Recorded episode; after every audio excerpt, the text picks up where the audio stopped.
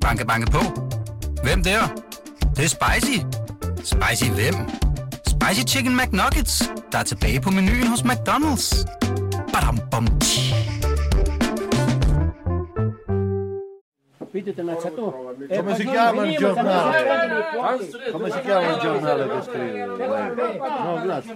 Andiamo, sta cosa. Siamo il weekend a Visen. weekend viso. Ed è un, giorno- un settimanale. Esce ogni venerdì. Ogni venerdì. E lei fa il cronista. I starten af 1990, nogle måneder efter Berlinmurens fald, stod jeg på torvet i en lille bjerglandsby på snuden af Italiens støvle og kiggede frygtsomt op mod en anden mur, der tårnede sig op mod vest. Denne mur var ikke gjort af betonelementer, som den, der lige var faldet i Berlin, men af en rodet samling klipper, heraf nogle bizart udseende kæmpesten, der både lignede afpillede kranier og næsehorn.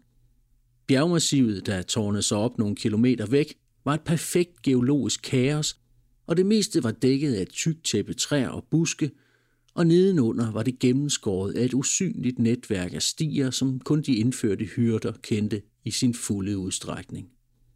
Den britiske rejseskribent George Norman Douglas, som for omkring 100 år siden vågede sig derop, konkluderede efter sin ekspedition, at Aspromontebjergene lever fuldt op til deres navn. Aspro Monte. De barske bjerge. Bevæger man sig ud fra toppen af dem, forvilder sporet sig ud i en labyrint af kløfter, der vrider sig gennem landskabet uden noget tilsyneladende system af vandskæld. Flyder vandet nu mod nord eller mod syd? Det er umuligt at sige. Sporet kravler ind og ud af dale, der stiger op til højdedrag af solskoldede ørnebregner og soløjetræer, for så igen at stige ned gennem dugvåde rydninger, klemt inde mellem afgrunde og overhængt af bregner. Sporet krydser krystalklare bække, det stiger forfrisket op i endeløse sving under pinjerne, for blot igen at forsvinde endnu en gang ind i dybere afgrundes tusmørke, hvor det følger vandløb mellem faretroende klippeafsatser, indtil det afbrydes af en ny forhindring. Og sådan fortsætter det i det uendelige, skrev Douglas.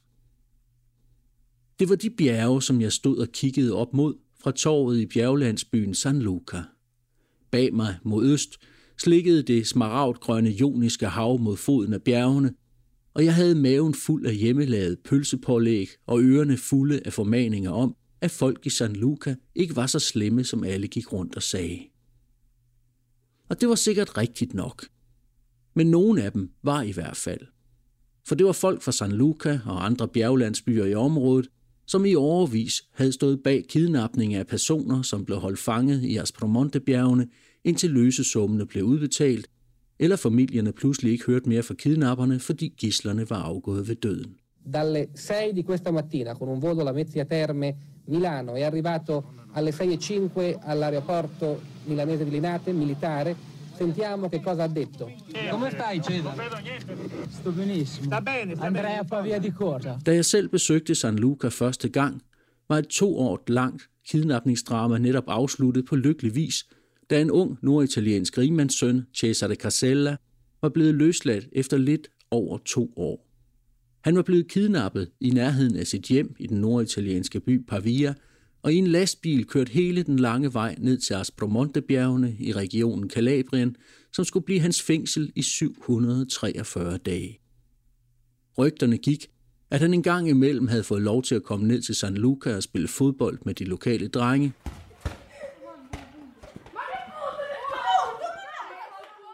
Men det var bare rygter. I virkeligheden tilbragte han det meste af tiden med en lænke om halsen og benene på bunden af skiftende jordhuller mellem rotter og kryb, mens politiets specialkorps forgæves ledte efter ham. For ingen er nogensinde blevet fundet i Aspromonte, hvis det ikke i forvejen var meningen, at de skulle findes. Og omstændighederne omkring løsesummen er stadig i dag uklare. Carcellas familie betalte på et tidligt tidspunkt et større beløb, uden at drengen af den grund blev sat på fri fod. Så rejste hans mor til Kalabrien og begyndte at lænke sig til pladser i Kalabrien, og sagen blev politisk betændt. Rygterne gik, at det til sidst var efterretningstjenesten, som kom med en sum, der stillede kidnapperne tilfredse. Dette er dog altid blevet afvist af myndighederne som pure opspind. Men under alle omstændigheder var Aspromontebjergene og San Luca i februar 1990 et brandpunkt i den italienske offentlighed. Vejene var fulde af kontrolposter med politi bevæbnet til tænderne, og i luften svirrede helikoptere, og inde i den lille by forsøgte de indbyggere, der stadig havde lyst til at tale med journalister, at overbevise de mange fremmede besøgende om, at de i bund og grund var gode mennesker, der intet havde noget med det alt sammen at gøre. På det tidspunkt var bjergene stadig fængsel for mindst endnu en kidnappet, en anden rigmandssøn fra Norditalien, som først skulle blive frigivet efter 841 dage, og som mest af alt lignede en koncentrationslejrfange, da også han dukkede op igen og blev genforenet med sin familie. Listen over kidnapninger foretaget af medlemmer af kalabresiske mafiafamilier er alen lang og ufuldstændig. Men løsligt regnet sammen har den kalabresiske mafia været ansvarlig for i hvert fald 88 kidnapninger, siden man begyndte at tælle dem i 1950. Også den sicilianske mafia kidnappede i en periode mennesker for at skaffe sig penge, men i Kalabrien havde de udviklet det til en hel industri, der kun blev overgået af banditterne på øen Sardinien. Og de mange penge blev blandt andet investeret i entreprenørmaskiner og i et hvidt, forbudt pulver, som der var stigende efterspørgsel på, og som siden har gjort den kalabresiske mafia til verdens måske største og mest magtfulde mafia, nemlig kokain.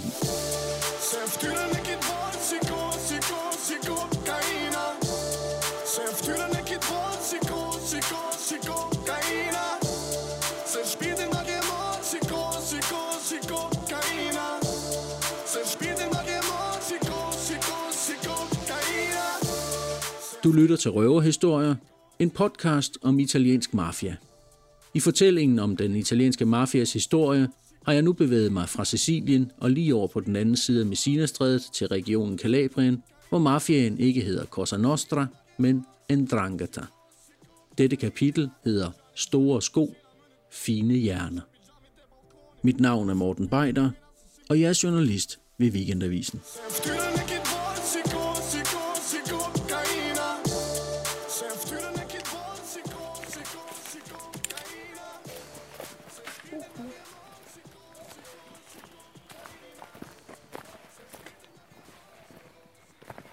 4 km. Ma questi sono faggi Faggi, pure. sempre faggi. Questi sono a fustaia, si chiamano, a e questi sono a ceppaia, cioè quando vengono tagliati e poi... Poi ricrescono. Ma questi saranno seppolati. No? Questi non fanno. I 1990, da jeg første gang besøgte Kalabrien, kunne man ikke bare gå sig en tur i Aspromonte-bjergene, som rejseskribenten George Norman Douglas havde gjort det 100 år tidligere. Jeg turde i hvert fald ikke våge mig derind. Men i slutningen af 90'erne æbbede kidnapningerne ud, og bjergenes funktion som friluftsfængsel forsvandt i takt med, at Ndranghetaen fik andre og bedre indtjeningsmuligheder, der ikke vagte så meget røre som kidnapninger. Bjergene beholdt dog deres funktion som et sted uden for landslov og ret. Aspromonte var stadig et sted, man kunne gemme sig, hvis man var eftersøgt. Det var stadig et sted, man kunne begrave lige af folk, der skulle forsvinde sporløst. Det var stadig et sted, man kunne dyrke cannabis, og det var stadig et sted, man kunne mødes, uden at risikere at blive forstyrret af myndighederne. Men det var ikke så farligt som før, tænkte jeg. Så en dag besluttede jeg, at tiden var kommet til at gå i Douglas' fodspor deroppe. Jeg hyrede en lokal bjergguide og bevægede mig ind i vildnisset for at besøge en dranketagens allerhelligste sted, et lille religiøst centrum i hjertet af bjergene, kaldet Polsi, hvor der i kirken står en statue af den såkaldte bjergmadonna, La Madonna della Montagna, som dyrkes ikke blot af de kalabresiske mafiosi, men af mange kalabresere i det hele taget. En gang om året valgfarter kalabresere fra nær og fjern til dette sted og danser tarantel til de sejne færdige.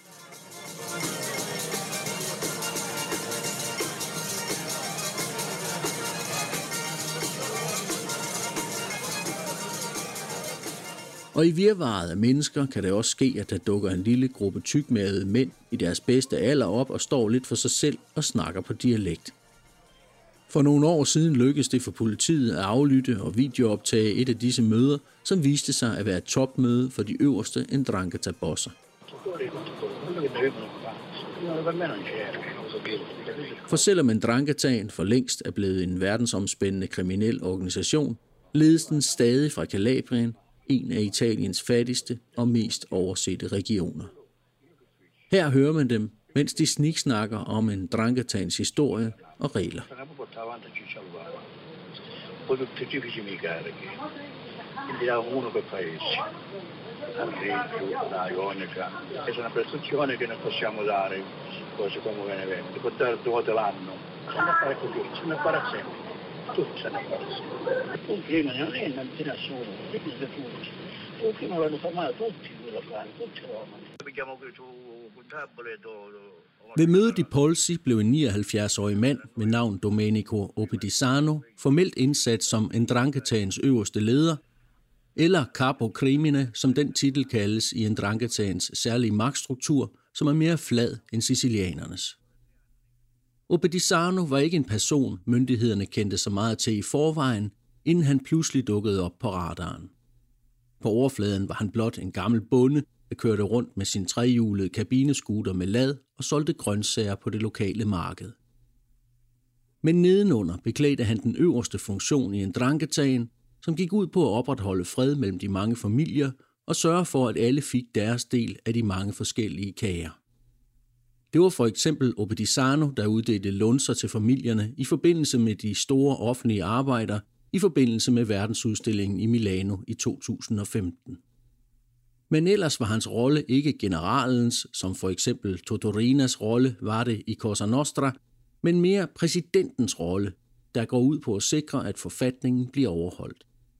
Opedisano nåede kun at beklæde sit embede i to år, indtil han blev anholdt i forbindelse med en storstilet operation, hvor omkring 300 formodede kalabresiske mafiosi blev pågrebet. Grazie, Grazie a voi.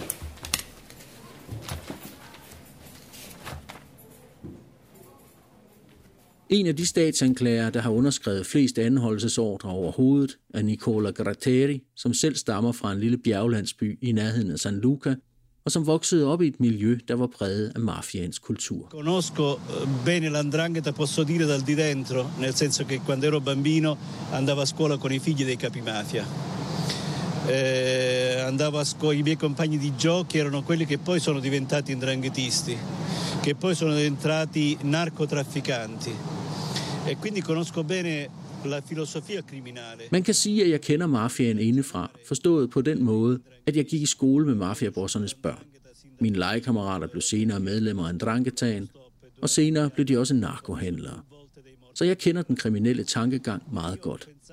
Når jeg tog den på stop til skolen, så jeg flere gange lige liggende på gaden.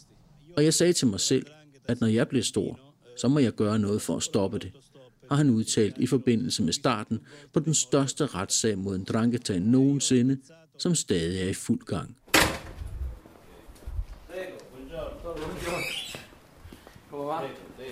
Jeg mødte selv Gratteri første gang i 2010, da han havde sit kontor på en af de øverste etager i en ørkenfortlignende bygning i udkanten af den store kalabresiske by Reggio Calabria en by, som i 1896 for første gang fik sit byrådsvalg annulleret på grund af mafiainfiltration. Og det var ikke sidste gang. I Italien var man begyndt at tale meget om denne dommer, der spydede anholdelsesordre ud som maskingeværkugler, og som til synligheden ikke var bange for noget som helst. I hans vedholdenhed mindede han en del om de to døde dommere fra Palermo, Falcone og Borsellino. Blot virkede han meget mere udadvendt og selvsikker, og en del af hans strategi synes at være nært samarbejde med medierne, som han meget gerne ville tale med. At få en aftale med ham var altså ikke så svært. Men først skulle man ud til ham. Io non so perché dobbiamo avere la nomea che il sud non va bene. Una città pulita. Min taxa kørte gennem en by, hvor stemningen var spændt på grund af et par bomber rettet mod dommer og retsbygninger, og få dage forinden var der blevet fundet en bazooka i en bygning få hundrede meter fra Gratteris eget kontor. Ciao Mele. Buongiorno. E da quella parte vado in fondo, quel corridoio, poi su per i bagni e c'è un drone come questo qua. Praticamente vedrà, vedrà la scorta. Chieda più avanti che la scorta è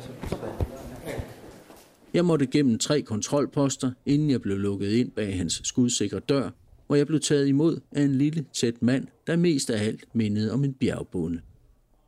Han forklarede mig, hvordan det var gået til, at en drankatan fra at være en overset bondemafia i et glemt hjørne af Syditalien havde overhalet Cosa Nostra indenom og var blevet den største mafia i verden. Il traffico di cocaina. Mm. Cioè, mentre, eh, i, mentre la Cosa Nostra, mentre i Corleonesi, mentre Rina era impegnato nel braccio di ferro contro lo Stato e lo stragismo, l'andrangheta negli anni prima aveva già un sacco di molte liquidità, molti, molte lire, miliardi di lire eh, provento del traffico di, del, dei sequestri di persona, con quei soldi incomincia a comprare cocaina. Incomincia a comprare la cocaina all'ordine di 20 kg, 30 kg, 50 kg, provenienti soprattutto dall'Argentina, dal Brasile, eccetera. Poi entra eh, nella, nel momento di difficoltà... Det skyldes alt sammen kokainen. Da Cosa Nostra under Corleoneseren Totorina i 1990'erne var gået i krig mod staten, og al opmærksomhed var vendt i retning af Sicilien, begyndte en dranketan i Kalabrien i al ubemærkethed at bruge likvid kapital fra kidnapningsaktionerne til at indkøbe kokain fra Sydamerika. I starten var det mindre partier på 30, 40 og 50 kilo, men det blev hurtigt til mere.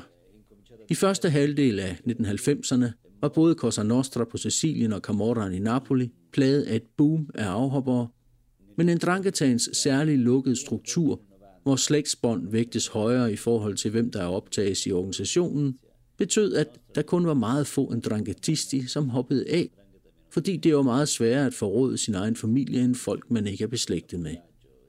Det var alt sammen med til at gøre en til en mere troværdig og nyttig samarbejdspartner for de kolumbianske narkokarteller end de andre italienske mafiaorganisationer. En var mere troværdig, rå, hård, uden dekedarer og den betalte altid til tiden og i kontanter. Og snart begyndte en mænd at opkøbe kokain, som var de børsmalere. De kunne for eksempel købe kokain til 1200 euro kiloet, og ud af et kilo kunne de så lave 4,5 kilo, som på gaden kunne sælges for 50 euro grammet, fortalte Gratteri. Cruda, dura, asciutta, con soldi in contanti e quindi è diventata credibile. Oggi uomini dell'andrangheta sono in Colombia e acquistano la cocaina come fossero broker che acquistano azioni in borsa. En anden del af Andrangetans styrke bestod i evnen til at fastholde gamle traditioner, men på samme tid at tilpasse sig nutiden, forklarede Gratteri. For eksempel en nærmest ortodox overholdelse af organisationens love og regler. Mens for eksempel Camorraen i Napoli arbejder ud fra et mere løst regelsæt, hvor meget er til diskussion, er der ingen slinger i valsen hos en. Organisationen har sin egen domstol, som fører retssager mod medlemmer, der er under anklage for at have brudt reglerne, og som udsteder domme, der straks bliver ført ud i livet. Og der er ikke altid tale om dødsdomme. Det kan også være en ydmygelse, som for eksempel, at man får sit hoved stukket ned i et toilet, og der så bliver skyllet ud, eller at man bliver smurt ind i dyregødning. Eller man kan blive sat på pause i nogle måneder, og udelukket fra organisationens møder og aktiviteter. Samtidig med denne strikse håndhævelse af reglerne formåede organisationen at udvikle sig. I 1970'erne begyndte en dranketan for eksempel at satse på uddannelse for sine sønner. De blev sendt på universiteterne og blev læger, ingeniører, advokater, kort sagt vigtige personer i samfundet, og på et tidspunkt følte disse sønner, at den gamle mafia, som de var vokset op i, var blevet alt for trang for dem. De ville have mulighed for at åbne sig mod det omgivende samfund, hvilket ellers var noget, som var forbudt i den gamle Ndrangheta. De gamle patriarker modsatte sig, og det endte i en krig, som de gamle tabte, resultatet blev oprettelsen af en særlig afdeling af Ndranghetaen kaldet La Santa, som godt måtte have eksterne kontakter. På den måde fik Ndranghetaen en kontaktflade til det bedre borgerskab, folk med højere uddannelser, forretningsfolk, politikere. Man stod ikke længere uden for mødelokale, hvor der blev taget stilling til store offentlige arbejder og ventede på at få sin lunds, men pludselig sad man med ved bordet og havde et ord at skulle have sagt. Det vigtigste var, at man kontrollerede tilpas mange stemmer til, at man kunne bestemme, hvem den politiske magt skulle gå til ved et valg. fortalte Gratteri. Tilsæt kokain, og en giftig cocktail var klar, som det italienske samfund og også resten af Europa og store dele af resten af verden siden har kæmpet med. I og med, at det skønnes, at Ndranghatan står for importen af omkring 80 procent af kokainen til Europa, og med alle sine aktiviteter hvert år omsætter for omkring 3% af Italiens bruttonationalprodukt. Og langt hovedparten af indtjeningen sker uden for Kalabrien, i for eksempel Norditalien eller uden for Italiens grænser, hvor også en stor del af overskuddet bliver hvidvasket og investeret i ofte legale virksomheder. En enorm olieret pengemaskine, som bliver renere og renere år for år. Og som går længere og længere ind i den legale økonomi og forurener den, efterhånden som økonomiske kriser får firmaer langt fra Syditalien til at åbne deres bagdøre for likvid kapital og så går der sjældent lang tid, før disse firmaer reelt er overtaget af en dranketagen og forvandlet til hvidvaskningsmaskiner. Og en dranketagens firmaer betaler deres skat med glæde. For det er jo det, det hele handler om. At få den enorme indtjening af sorte penge fra narkohandlen gjort legal.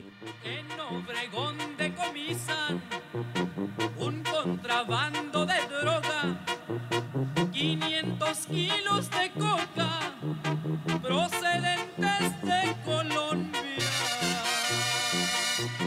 Un avión Turbo Commander iba a venir por la carga, es el que iba a transportar a la Unión Americana.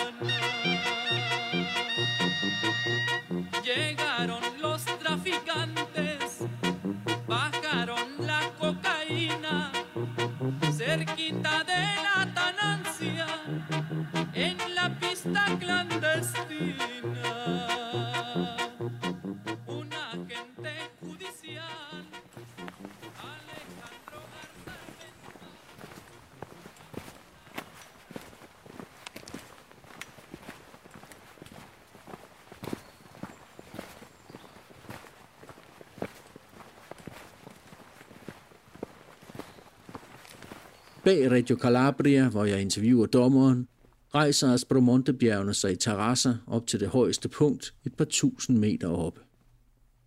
Der er en dyb kontrast mellem livet i bjergene og livet ved kysterne, der går langt tilbage i tiden, og som man kan finde ekoer af i den kalabresiske forfatter Corrado Alvaros værker. I hans novelle Havet, som blev udgivet i 1934, skriver Corrado Alvaro, at til synlædende findes de bedste raser i bjergene. Folk ved havet er ikke kønne, især ikke ved den italienske sydkyst. De er blevet blandet alt for meget, og tit er resultatet blevet bastarder. Nogle af dem blandede blod med sørøvere, der lagde til at blive et par måneder, hvorpå de drog afsted igen, måske flygtede og efterlod sig børn. Resultatet er blevet almindelige mandskabstyper, og de vedbliver at leve som menigt mandskab. I denne korte beskrivelse, der tydeligt rummer datidens racetænkning, fornemmer man stoltheden hos bjergenes hyrdefolk, som Alvaro selv var vokset op imellem i bjerglandsbyen San Luca, inden han forlod Kalabrien og gjorde sin lykke nordpå. En elgammel kultur, byggende på et æreskodex, som også er en dranketans. Og Alvaros egen far var også med i det hederfulde selskab, som en dranketan engang kaldte sig. Det var ikke noget, hans søn skrev så meget om. I hvert fald ikke før 1950'erne, da den første store anholdelsesoperation mod kalabresiske mafiosi åbnede resten af Italiens øjne for, at heller ikke Kalabrien var gået fri af mafians svøb. I et essay fortalte Alvaro, hvordan han som ung en dag vendte hjem fra en ferie, og hans mor fortalte ham, at hans far var ovenpå med folkene fra organisationen. Da hun så sin søns undrende udtryk, præciserede hun, forbryderorganisationen. I Alvaros egen fortælling var det ved denne lejlighed, at han opdagede sin egen fars tilknytning til det, der senere skulle blive kendt som en dranketagen, og som Alvaro selv tog afstand fra, samtidig med at han forklarede organisationens opståen som et uundgåeligt resultat af den italienske stats fejlslagende forsøg på at håndhæve lov og orden i Kalabrien. Det er også den forklaring, mange kalabreser i dag selv tyr til, når de skal forklare, hvorfor en Dranketan stadig er så stærk. Den er stat, og staten ikke er det. Den giver arbejde, retfærdighed. Og som sådan betragtes den ikke som noget kriminelt, men som en nødvendighed.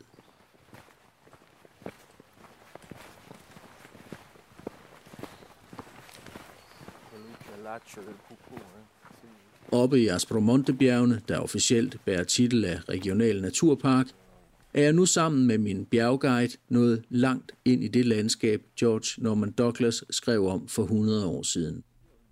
Men der er en grusvej, som helt sikkert ikke var der dengang. Mobildækningen når kun har op i bølger. Kun ved telefon Jesus, det store krucifiks på bjerget over byen Delia Norva, er forbindelsen nogenlunde stabil. Kort over området er mangelfulde, og skiltene er endnu færre, da Aspromontes faste klientel af hyrder, skovarbejdere og bønder generelt ikke bryder sig om skilte. De får som regel et skud med havlbøssen eller bliver slået i stykker. Vandalismen er også blevet vendt mod Naturparkens forsøg på at lokke gæster til området, da et besøgscenter blev raseret af en påsat brand, og ingen til synlædende har lyst til at bygge det op igen. Om der stod mafia bag, tør ingen give et bud på. Men mafia er bestemt ikke udelukket. Guiden troede for eksempel ikke sine egne ører, da han hørte, at mafiaen stadig holdt sine årlige topmøder i Polsi. Jeg kommer der jævnligt med vandrere og havde ikke lagt mærke til noget. Og hvis nogen havde antydet noget sådan, ville jeg have rystet på hovedet og sagt, at de nok havde en livlig fantasi.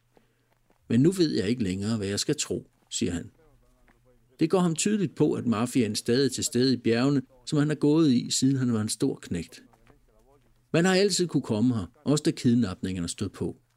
Dengang blev man bare kontrolleret af politiet hele tiden og skulle følge hyrdernes gode råd om, hvor man ikke burde gå.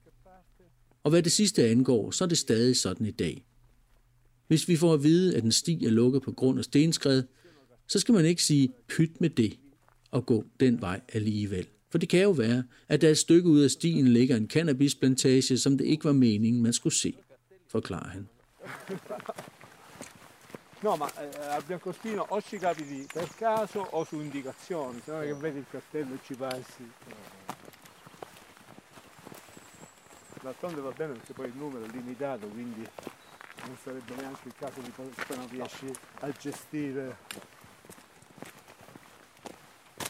Der er den samme fornemmelse som i Douglas' beskrivelse. Af at bevæge sig i en labyrint, at have mistet orienteringen og at være helt i hænderne på de mennesker, der kender vejen, og på deres historier. Der er for eksempel historien om den gang, da Jesus ledsagede sine apostle og på vej gennem Aspromontebjergene, og Sankt Peter pludselig blev grebet af en voldsom sult og satte sig på et stengær. Mester, jeg er ved at dø af sult. Jeg flytter mig ikke, før vi har fået noget at spise, sagde han. Du har ret, Peter, sagde Jesus. Lad os alle samle en sten op og tage den med hen til floden, så vil forsynet komme os til hjælp. Apostlene var ikke meget for det, men til sidst udvalgte de alle sig en personlig sten, omtrent som på et kendt og selv kursus i 1990'erne. Thomas, som altid havde været lidt til en side, tog endog en halv klip på ryggen. Peter derimod, menneskefiskeren, som Jesus kaldte ham, udvalgte sig en småsten, som han til gengæld lod som om var meget tung. Jesus, som så alt og hørte alt, smilede bare. Henne ved floden bad han disciplene stille sig op i halvkreds omkring sig, og i det Jesus hævede blikket mod himlen og velsignede stenene, blev de forvandlet til brød.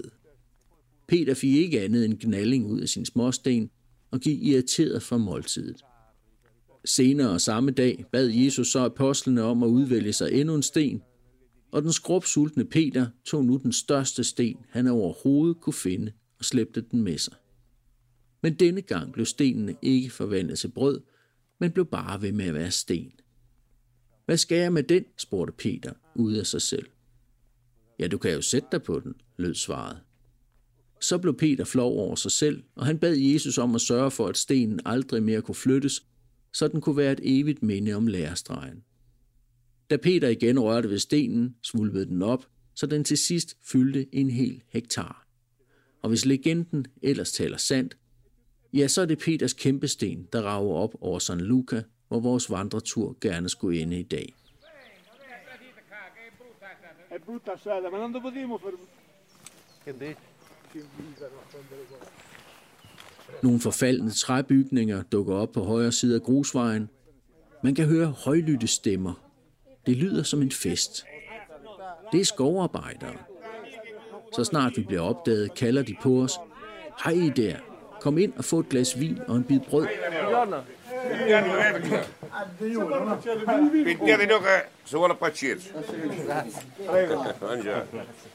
Grazie. Mai Caspania Eh? No, esisto io. Ah, Allora capisci. Oggi, oggi la, pigliamo a. Ah, che bella. Ah. Che bella. il no. Ah, what do you want? Oh, what did you Ah, what do you want? Bag indhegningen, gemt af vejen af et par fritstående mure med et halvtag over og et ildsted for enden, sidder 15-20 mand omkring et langbord. De fleste er aktive eller pensionerede skovarbejdere, og mange af dem burde vel gå og passe skoven på dette tidspunkt, men i stedet har de besluttet at holde et gilde. Næsten alle viser sig at være fra San Luca, Aspromontebjergenes berygtede hovedstad, og de ved godt, hvad mange fremmede med en hukommelse tænker om dem. Men vi er ikke alle kriminelle. Alle fremmede, som kommer til Aspromonte, vil få en fyrstelig behandling, uanset hvem de møder. I vores skovarbejderhytter er der husly, mad og medicin, og er man faret vild, så skal vi nok hjælpe, siger en af mændene, og svinger en blikpande med friskstegte panerede sardiner under næserne på os. Spis, spis! De er fra Bovalino og er helt friske. Og her er noget til at skylle dem ned med. Drik, drik. Snart ryger den ene stegte sardin efter den anden ind i gabet, og plastikkrusene bliver holdt fulde af krydret rødvin fra flasker uden etiketter. I går talte de igen dårligt om San Luca i fjernsynet. Hvad de talte om? Mafia, mafia, mafia. For mange år siden blev der myrdet en politimand i San Luca, og det blev mindet. Men i San Luca er der mere godt end ondt. Det kan godt være, at de alle sammen er mafiosi, men de opfører sig ordentligt, siger en anden mand med kvækkende røst. Længe leve Jomfru Maria. Dette er Aspromonte. Venskab, gæstfrihed. Ikke som man får fortalt. Tal godt om os. Så får han øje på båndoptageren i min hånd. Hvad er det for en dims? En båndoptager? Sluk for den. Hvis du hører en fugl synge, så kan du tænde for den igen.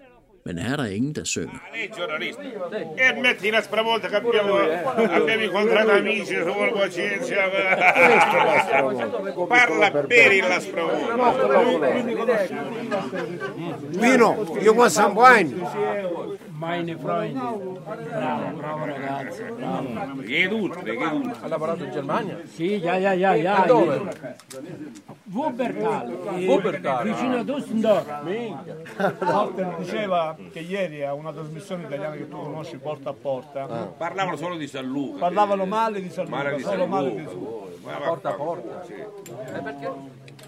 L'occasione qual era? Mafia, mafia, mafia. Parlava di mafia. Giustamente diceva, si vede solo Det er på tide at tage afsked, hvis vi skal nå frem til bjergmadonnaen i tide. Vinen og den hjemmebrændte snaps gør gangen lidt usikker, og mens vi staver videre forklarer guiden, at vi har været udsat for en slags prøve. C'è il problema dell'accoglienza, poi a un certo punto si esagera. Eh, si parte con l'accoglienza e con la cosa, però poi bisogna anche, come dire, in qualche modo di- dimostrare che si è in grado di gestire, di gestire il vino soprattutto, perché poi la situazione... Det kan virke som om, at de hele tiden vil have dig til at drikke mere. Men i virkeligheden afprøver de, om du kan tåle mosten, og om du har karakter nok til at sige fra, før du bliver alt for beruset, forklarer han. Jeg ved ikke, om testen blev bestået, og om det hele ikke i virkeligheden gik ud på at finde ud af, hvem vi var, og hvorfor vi var på vej mod Ndrangatans allerhelligste sted. Lidt længere henne gentager det hele sig med endnu et hold skovarbejdere, der heller ikke arbejder i dag. Der går endnu en time, og så vandrer vi i halvberuset tilstand forbi helikopterlandingspladsen og ind i den lille klynge huse omkring kirken med bjergmadonnaen, hvor Domenico på Di Sarno blev indsat som en præsident.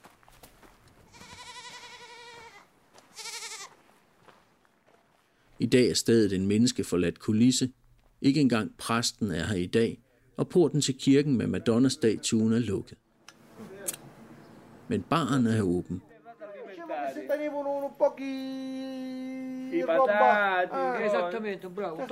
Barejeren kaster sig ud i sit yndlingsemne. De gode gamle dage. Da jeg var barn, boede vi alle sammen i et rum, mennesker og dyr. Otte kristne, en hest, høns og en gris, og ingen brokkede sig over lugten. Og når der skulle bygges et hus, så hjalp naboerne hinanden. I dag hilser folk knap nok på hinanden mere. Uh, non siamo più all'epoca una volta, ringraziando a Dio, ci sono più spazi, più cose. Però una volta, dove si teneva maiale? Si teneva...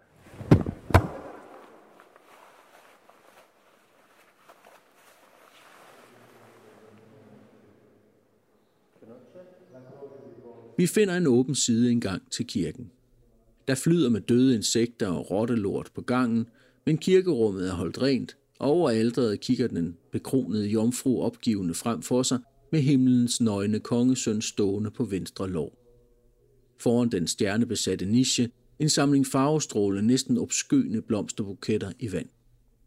Stilheden er allerede svanger med den larm, som snart vil følge med pilgrimstoget, når ærlige som kriminelle kalabreser søger mod Polsi for at vaske deres synderegister rene, efterladende sig bjerge af affald, som man kan genfinde halvt nedgravet på skråningerne.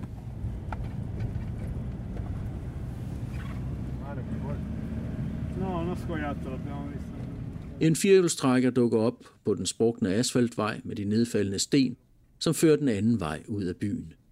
Det er vores lift til San Luca, som jeg ikke har besøgt siden starten af 1990'erne. Her synes intet forandret. Faldefærdige rønner, halvfærdige huse og kunstfærdige smedjernsgitre, som ser ud til at være mere værd end de huse, de værner om. Velstanden fra det igangværende kokaineventyr gemmer sig bag murene eller er investeret langt herfra, i romerske restauranter, milanesiske fabrikker eller ude i resten af verden. I det lille museum, der er indrettet i hjemstavnsforfatteren Corrado Alvaros fødehjem, beslutter kustoden sig til at tale lige ud af posen. Giustamente, perché come, come ospitalità anche il peggiore delinquente, peggiore carnefice, diciamo, è sempre stato ospitale. Her i San Luca har selv den værste forbryder, den værste morder, altid været gæstfri. Og man skal ikke skære alle over en kamp og gøre alle til forbrydere. De er måske 10, måske 20, måske 100 eller 1000. Men der er også altid en, som lever et hederligt liv. Hvis jeg for eksempel havde haft lyst til at være forbryder eller sælge narko, så ville der være rig lejlighed til det her. Og de giver arbejde til en masse mennesker, som måske ikke har andre muligheder i livet. saranno 4, saranno 10, saranno 100 oppure 1000, però c'è sempre qualcuno che non è che è una persona onestissima. Che, che io se, magari se volessi fare un delinquente o spacciatore sicuramente le occasioni qua non mancherebbero. På den måde er vi altid på avisernes forsider, siger kustoden ironisk, inden vi går ned på baren for at drikke nok en øl. Espresso. Der bliver spillet kort og bandet, mens fluerne går i fluegrillen med en ildevarsende lyd. Hyrderne drikker vand, men føler sig alligevel beruset, skrev Alvaro i 1930. I dag skal der mere til.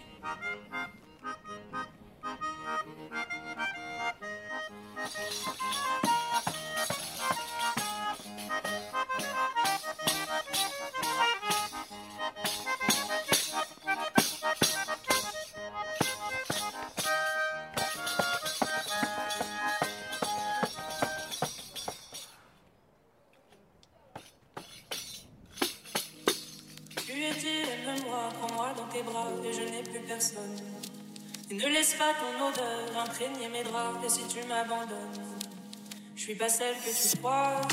Aucun cabron ne m'a touché. À part toi, caballero, non, personne ne m'a touché. La cocaïne, la cocaïne a pris ma femme. Je suis une clandestine, une clandestine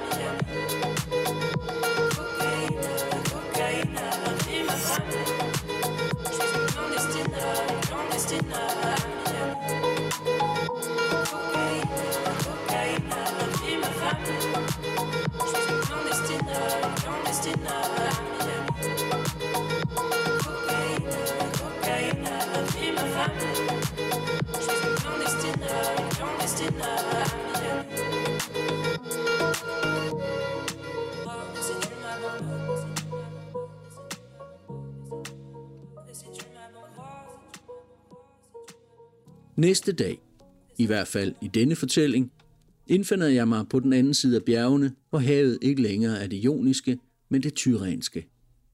Også hvis man var blevet ført hertil med bind for øjnene og pludselig så havet, så ville man vide, at man ikke længere befandt sig på østkysten af Kalabriens støvlesnåde. Smaragdfarven er udskiftet med almindelig azurblå, og det skrånende land efter bjergene går over i slette, der er tilplantet med olivenplantager og citrustræer. Og helt ude mod vest stikker der en skov af containerkraner op. Det er Syditaliens største containerhavn, Gioia Tauro, som er indrettet omkring et gammelt havnebassin, som i sin tid blev anlagt af staten som forsyningshavn til et stort statsejet stålværk, som aldrig blev til noget. Men havnebassinet nåede at blive bygget, blandt andet af en dranketans mænd, som havde investeret en del af løsesummerne fra kidnapningerne i entreprenørmaskiner. I mange år lå det øde hen som endnu et kuldsejlet udviklingsprojekt, og så var det, at der med private og offentlige udviklingsmidler, herunder fra EU's regionalfonde, i stedet blev anlagt en stor containerhavn, som også er en af en landingspladser for kokain, der gemmes i containere. Tonsvis af kokain er gennem tiden blevet beslaglagt af tolvvæsenet, siden havnen åbnede i 1995, men det er for en dranketan et tab, der kalkuleres med fra starten. Alt det, der ryger igennem og bliver solgt til slutbrugeren, gør stadig trafikken til en god forretning. Og så er der alle de andre havne i Europa, hvor en dranketan ikke har myndighedernes ånde i nakken på samme måde som i Kalabrien. Havne som Rotterdam og Antwerpen for eksempel. Men i Gioia Tauro er en dranketan hjemme hos sig selv. Den har selv været med til at bygge havnen, den har formentlig folk placeret blandt personalet, og selvom havnen er hegnet ind og bevogtes efter alle kunstens regler, så har der gennem tiden været forlydende om, at en drankatan modtager en fast pris per container, der landes. Indtægterne splittes mellem to familier, hvis territorium møder hinanden midt på havneområdet. Lander containerne i det ene område, går afgiften til den ene mafiafamilie, og lander de på den anden side af den usynlige streg, er det den anden familie, der tjener pengene, forlyder det. Mafiaen har efter sine også indflydelse på, hvem der får lov til at blive ansat som havnearbejder. Ifølge italienske medier måtte man betale et indgangsbeløb svarende til 75.000 kroner for et fast job på havnen til den lokale boss.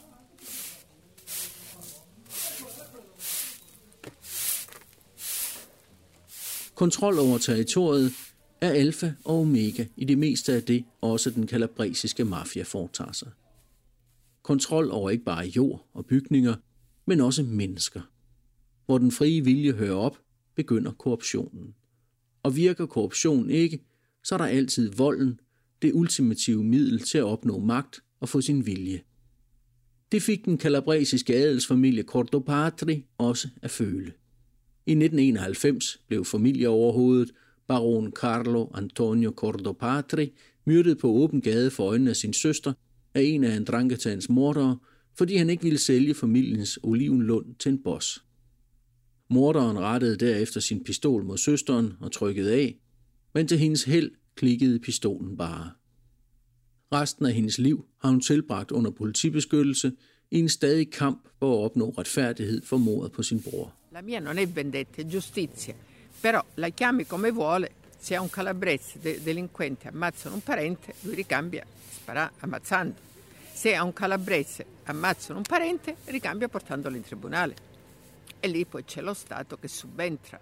Non a Dio no. A Dio Ma lo non Stato ha fatto il suo dovere nei suoi Inizialmente no. Jeg besøger baronesse Maria Teresa Cordopatri og hendes familie i deres olivenlund ved den vestlige fod af Aspromontebjergene en dag i det sene efterår, hvor hun sammen med sin kusine, en fætter og nogle andre hjælpere er i gang med at forberede årets høst af oliven.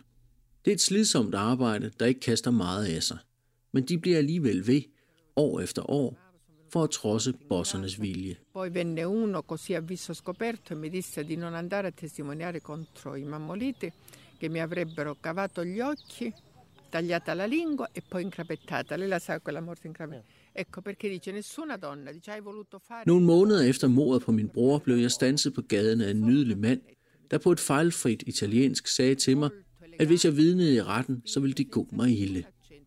Du er kun en lille kvinde, men hvis du alligevel beslutter dig til at opføre dig som en mand, så vil du få en mands behandling. Først stikker vi dine øjne ud, så skærer vi din tunge af, og så vil du blive bundet som et gedekid, så du til sidst kvæler dig selv. Det sagde han stille og roligt til mig. midt på gågaden i Reggio Calabria. Og han forlangte et omgående svar. Jeg sagde til ham, at jeg allerede havde identificeret morderen, og at de kunne stikke mine øjne ud og skære min tunge af, men at det ikke ville ændre noget.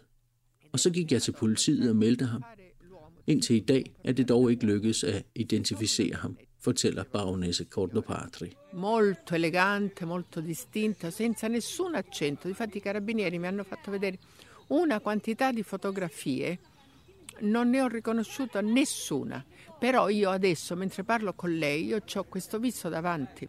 Se io lo dovessi vedere... I dag er både morder og bagmænd i fængsel, men før det kom så vidt, måtte baronessen gå i sultestrække foran justitspalæet og skabe international skandale. For dengang rakte Andrangatans magt langt ind i retssystemet. Det er nu blevet bedre med folk som Nicola Gratteri, forklarer baronessen.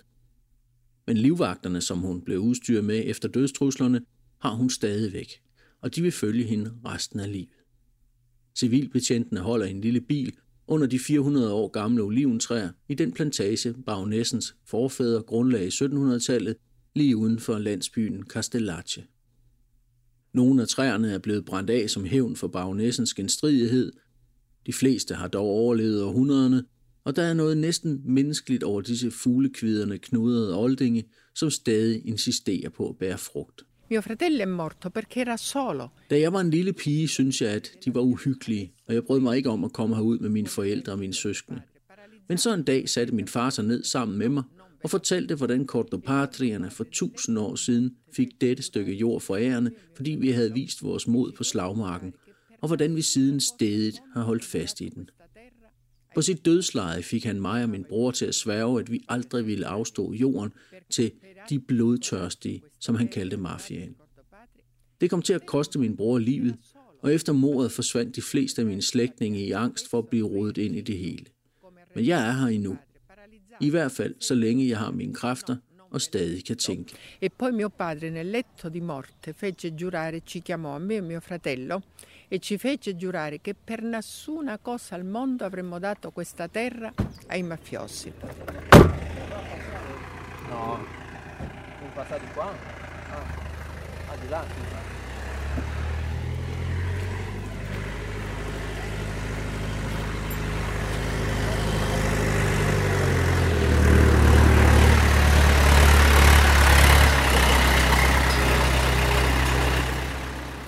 Der lyder en serie skud tæt på. Bagnæssens bramfri fætter slår op i et højt sarkastisk grin. Det var vist et automatisk våben. Men jeg tror ikke, vi skal tage det personligt. Men generelt bryder jeg mig ikke om at sove herude, selvom jeg engang imellem gør det, når det bliver sent, eller at vejret er for dårligt til at køre hjem til Reggio. Jeg synes, der er noget trist og lidt uhyggeligt med oliventræ i mørket, og det bliver ikke bedre med lysene ned fra havnen, og tanken om alle de mennesker, der bor her omkring. Men så siger jeg til mig selv, at hvem kan jeg egentlig risikere at møde derude i natten? I værste fald grev Dracula eller Nosferatu. Og så tænker jeg på, hvor synd det ville være for grev Dracula og Nosferatu, hvis de stødte ind i de lokale, siger han og griner. Ah, Al potrei incontrare il conte Dracula. Nosferatu e poi ci ho pensato e ho detto ma anche per loro sono cazzi loro con la gente che sta qua devono stare attenti pure loro Bagnessens fætter har en fortid som leder af skovvæsenet, og han underholder mig med historier om skovbetjentenes dogenskab og ineffektivitet i Aspromonte-bjergene. Det er en stor mafiarede, siger han. Da jeg var chef for skovvæsenet, brugte jeg meget af min tid på at tale med efterforskere, som ville vide, hvor den eller den skovarbejder var på et givet tidspunkt. Og hvor pokker skulle jeg vide det fra? For der var jo 8.000 af dem, og jeg afholdt ikke morgenappel hver dag. Jeg blev også spurgt, om jeg havde mafiabekendtskaber. Jeg har ikke andet, svarede jeg. De arbejder alle hos mig. Men hvorfor kigger I ikke i stedet på, hvem der har ansat dem? lei ha conoscenza non ho conoscenza. Ce li ho tutti qua. Tutti. Non ce n'è uno escluso che. Perché non andate a vedere chi è che li ha su? Invece di rompere i coglioni.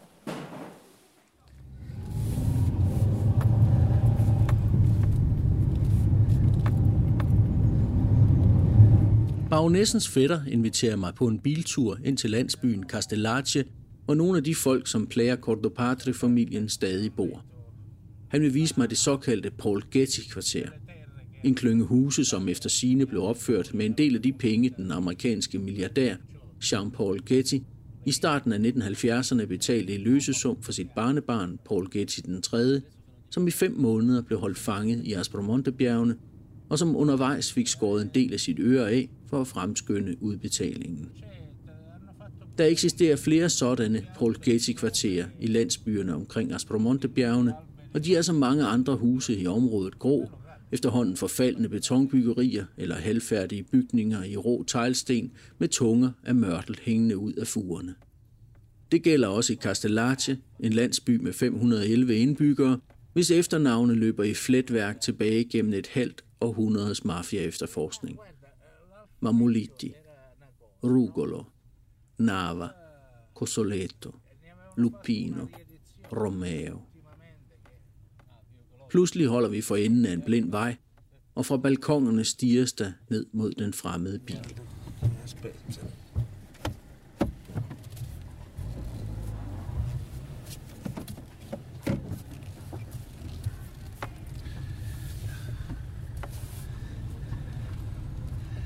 Cioè, come fa uno a perdersi in questo buco di culo? Che sono quattro case, eppure ci stavamo riuscendo perfettamente.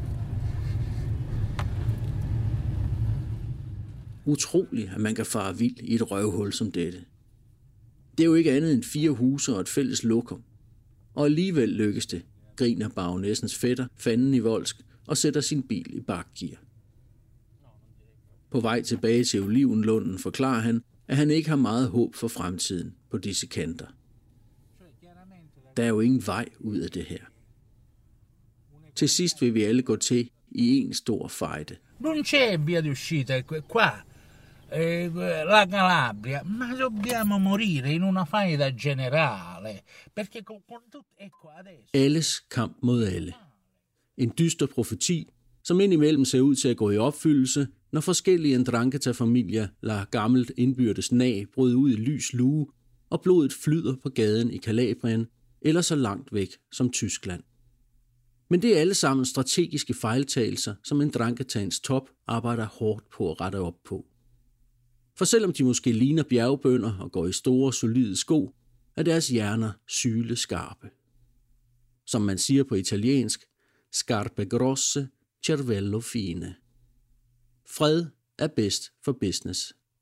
Og når det drejer sig om kokainbusinessen, den bedste business af dem alle, er freden ikke en valgmulighed, men den eneste vej.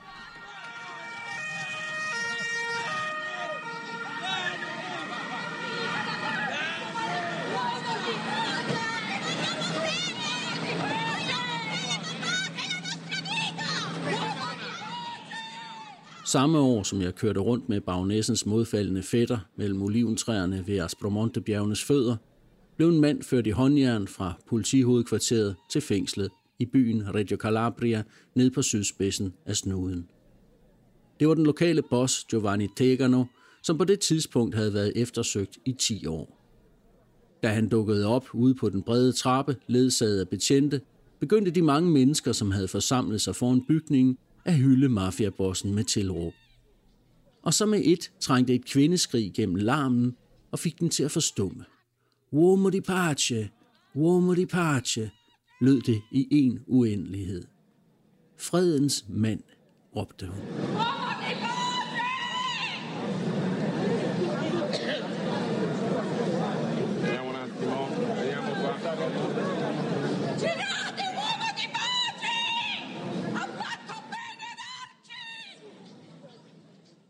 Det både så ud som og lød som en verden, der var blevet vendt på hovedet. Eller også var den født på hovedet. Hvor forbryderne var helte, og skurkene var dem, der jagtede dem. Grazie, procuratore. Grazie a voi. Jeg er tilbage på statsanklager Nicola Grateris kontor på 7. sal i tårn 3 i det surrealistiske ørkenfort i Reggio Calabria. Udenfor sviger helikoptere, og byens gader genlyder af sirener fra endnu en stor anholdelsesoperation. Alene det år blev over 1000 Ndranghetisti ført bag trammer.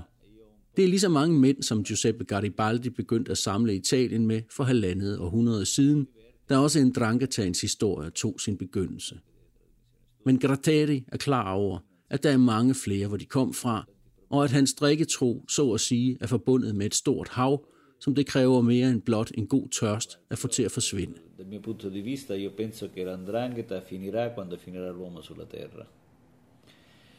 Penso però che la mafia, le mafie si possono arginare anche dell'80% se går ikke til grunde, før menneskeheden gør det.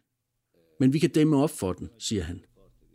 Jeg er modstander af tortur og enhver anden form for vold, men man bør gøre op med forestillingen om, at en mafioso bliver et bedre menneske af at sidde i fængsel, for det gør han ikke. Jeg har flere gange anholdt de samme personer flere gange, og det er ikke så underligt, når man tænker på, at vi har et retssystem, som efter lange efterforskninger ofte kun producerer domme på 6-7 års fængsel netto. Og hvad er 7 års fængsel for en mafiaboss, som udenfor har kommandoen over en hel by og bestemmer liv og død for flere tusinde mennesker? En mafiaboss er mafiaboss til han dør. Og så skal han ikke sendes syv år i fængsel og sidde og se fjernsyn 10 timer om dagen. Han skal sendes 30 år i arbejdslejr, hvor han må arbejde for føden. Kun på den måde er der en chance for at demontere hans psyke, så han kan blive et bedre menneske. Han skal ikke behandles som en kriminel, men som en narkoman i et afvendingscenter, siger Gratteri. se io sono mafio capomafia non devo essere condannato a 5-6 anni di carcere, devo essere condannato a 30 anni di carcere, mandato in un campo di lavoro e lavorare se voglio mangiare. Avere lo stesso trattamento dei tossicodipendenti. Quando vanno in una comunità europeutica il tossicodipendente viene smontato dal punto di vista psicologico, viene fatto lavorare dall'alba al tramonto. Ikke længe efter kommer Gratteris navn på tale som justitsminister i en ny regering. Men i sidste øjeblik kommer der bud for ovenom, at han ikke er ønsket på posten. Så han er blevet, hvor han er, med sine livvagter, der gennem tre årtier har passet på ham og hans familie. Hjemme i det gamle Kalabrien, med de store bjerge, man kan forsvinde i, det tofarvede hav og alt det midt imellem.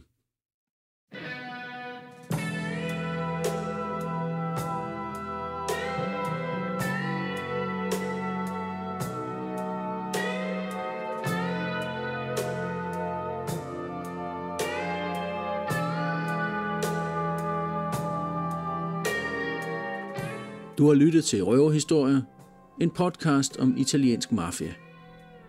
Senere vil jeg fortælle om Andranghetaens sejrsgang i Norditalien og uden for Italiens grænser, og vi skal også møde tre kalabresere, som har besluttet at blive boende i Kalabrien og tage kampen op mod mafiavældet. Men inden da skal jeg videre i fortællingen om Italiens forskellige mafiaer. Vi skal til Napoli, Syditaliens gamle, kaotiske hovedstad, hvor de har deres helt egen form for mafia, nemlig Camorraen. Mit navn er Morten Beider, og jeg er journalist ved Weekendavisen.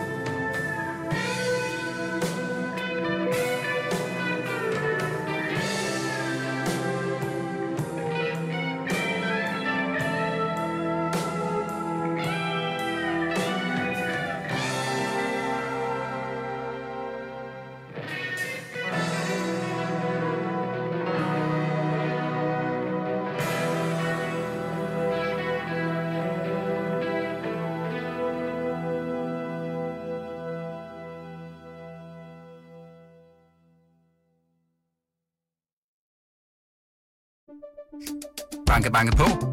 Hvem der? Det, det er spicy. Spicy hvem? Spicy Chicken McNuggets, der er tilbage på menuen hos McDonald's.